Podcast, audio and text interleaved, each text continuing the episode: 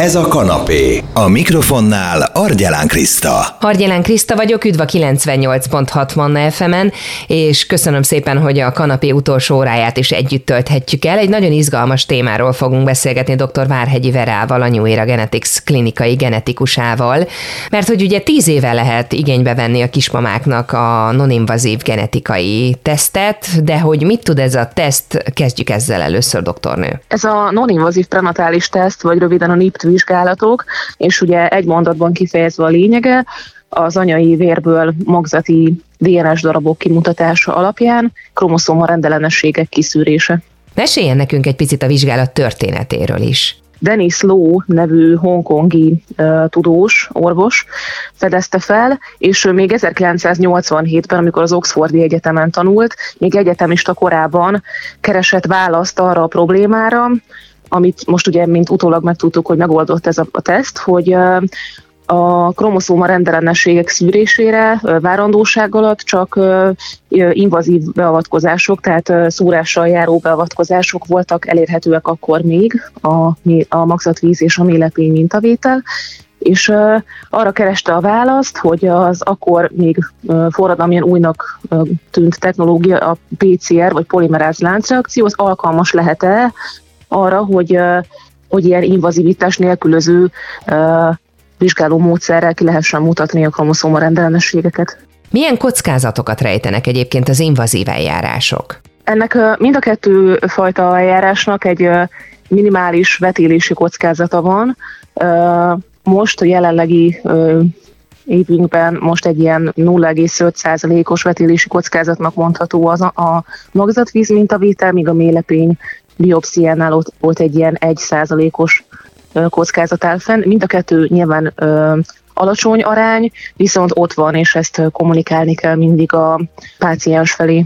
Változott ez alatt a tíz év alatt egyébként ennek a non-invazív vizsgálatnak a menete fejlődött, vagy nagyjából ugyanaz a metodika? Az alapelv az ugyanaz, csak tíz évvel ezelőtt még, még csak a 21-es triszómia, tehát a Down-szindróma szűrésére volt alkalmas. Ugye ez volt az első kórkép, az első kromoszóma rendellenesség, amire bevezették, és bővült az évek során, a, egyre bővült a, azoknak a kórképeknek a köre, amit képes volt detektálni. Tehát először csak a Down-szindrómát tudta kimutatni, aztán a, a három leggyakoribb testi kromoszóma rendellenességet, a Down-szindrómát, az Edwards és a Patau-szindrómát, illetve a nemi kromoszómáknak a számbeli eltéréseit, viszont a, a legújabb verziója és a legszélesebb NIPT csomag, az a teljes kromoszóma állományt vizsgáló, vagy genomszéles NIPT vizsgálatnak is mondjuk.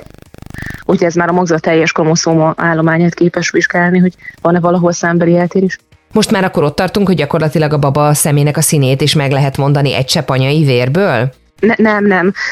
Ez, ez ilyen nagyobb, tehát um, nagyobb kromoszóma rendellenességek és szerkezeti eltéréseket, tehát génszinten um, azt, azt nem, nem, tehát nem génszinten vizsgálja um, az úgynevezett ilyen um, monogénes rendellenességet, hanem pusztán a kromoszómákat, ez egy ilyen, uh, ezek más korképtípusok. Hogyan zajlik egy ilyen vizsgálat? A várandóságnak a 9 tizedik hetétől lehet elvégezni a vizsgálatot, ez egy cső anyai vérlevételével történik, körülbelül egy hét múlva kap eredményt a mintavételtől számítva, és viszont arra kell figyelni, hogy a magzati nem közlése az a 12.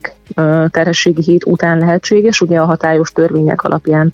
Tehát, hogyha valaki mondjuk annyira gyors, hogy a tizedik héten már ezt elvégezteti, akkor elképzelhető, hogy a 11. héten már kap leletet, viszont a magzat nemét az 12. hét után tudhatja meg. A teszt akkor jól értem maga tudja a baba nemét, csak közölni nem szabad még, ugye? Csak a 12. hét után, mert ugye a 12. hétig van lehetőség súlyos válsághelyzetre, meg egyéb okokra hivatkozva várandóság megszakítást kérni. Futott, futottunk már bele ilyen esetbe, úgyhogy ez, ez a 12. hét után lehetséges és ugye úgy kell időzítenünk, hogy olyan ez a kicsit versenyfutás az idővel, hogy ha pozitív eredmény igazolódik ennek a szűrővizsgálatnak a során, akkor legyen idő még az invazív mintavételnek az elvégzésére, mert ugye ezt, ezt meg kell erősíteni a pozitív eredményt minden esetben magzatvíz vagy mélepény mintavétellel, mert 100%-os eredmény csak, csak azok adnak. Ugye a NIP vizsgálat is nagyon érzékeny, de ez, ez szűrővizsgálatnak minősül, ezt minden esetben elmondjuk és lekommunikáljuk a páciensek felé. 99,9% a pontossága, viszont nem 100%, tehát hogy ezt mindenki, egy pozitív eredményt ezt meg kell erősíteni invazív mintavétele.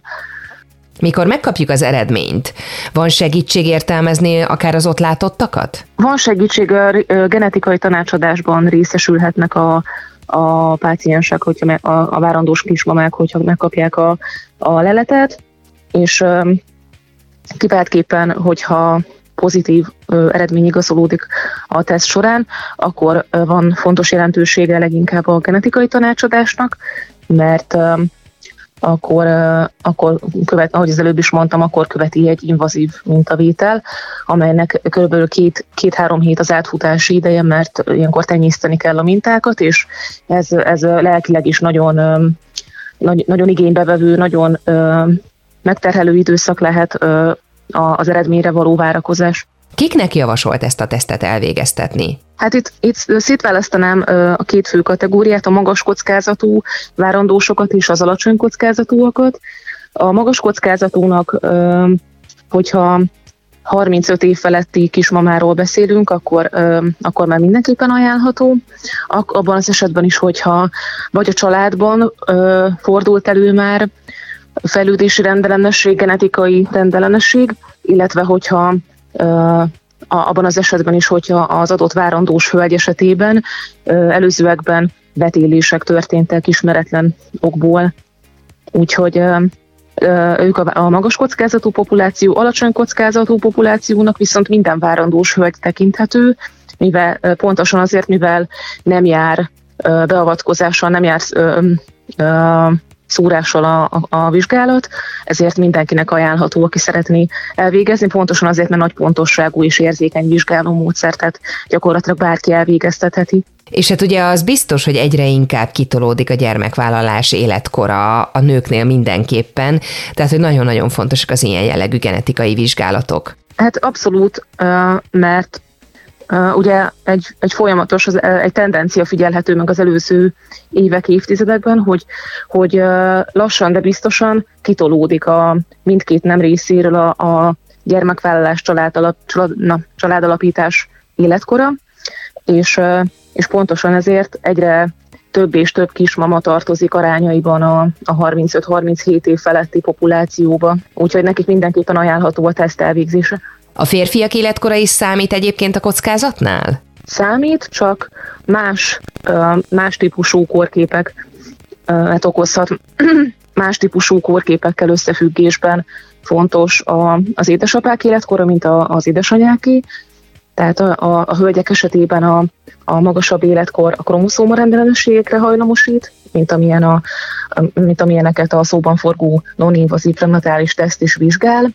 Ugyanakkor az, az sem mindegy, hogy a, a férfiak esetében mikor a, a, időzítődik a gyermekvállalás időszaka, mert arra is van egy vizsgáló módszerünk, a monogén prenatális teszt, ami egy olyan speciális vizsgáló módszer, ami olyan szűrőteszt, amely uh, idősebb apai életkorral összefüggő kórképeket vizsgál, tehát úgy, uh, olyan monogénes vagy egy gén által okozott rendellenességeket, amely esetében a, az édesapa teljesen egészséges, az édesanyja is egyébként, csak mivel ugye a spermiumok termelődése az, az élet során folyamatos, a férfiak élete során, nem olyan ciklikus, mint a, a hölgyeknél a petesejt képződés, ezért van egy ilyen folyamatos kockázatnövekedés a férfiak életkorának az előre haladtával, hogy minimálisan, de évről évre nő annak az esélye, hogy kóros spermiumok termelődnek, és, és a sejtszintű DNS hibajavítás károsodik, és ezáltal ezeknek a spontán új mutáció által okozott betegségeknek a kockázata nő, és ez képes kimutatni a monogén prenatális teszt. Mi lesz a jövő útja? Valóban előfordulhat az, mint egy skifiben, hogy gyakorlatilag válogatunk, hogy ilyen szemszint szeretnénk, ilyen hajszint, ilyen intelligenciát, ebben legyen ügyes, abban legyen ügyes a gyermek? Hát azért ez még kicsit messzebb van, mivel ez, ez eléggé mm, erős etikai aggályokba is ütközik, tehát ilyen azért itt még nem járunk, de, de szerencsére folyamatosan fejlődnek is, és bővülnek a tesztek. A közeljövőben elérhető lehet akár egy magzati teljes géntérkép, egy teljes exomszekvenálás, amelynek során így a, a magzatnak az összes génje vizsgálat alá kerül, és, és egy ilyen széles körű teszt kerülhet elvégzésre. Azonban ez is, ez, ennek is etikai megfontolások képezik még a, az akadályát, hogy széles körben elterjedhessen, mivel számos olyan, olyan génvariáns van, amiről nem tudjuk, hogy mit, mit csinál, nem tudjuk, hogy mit, mit okoz, és pontosan ezért a tanácsadás is nehézségekbe ütközik, hogy most mit javasoljunk a várandós hölgynek és a párjának, hogy, hogy beteg lesz a magzat, vagy nem. Tehát sokszor nem egyértelmű, és ezért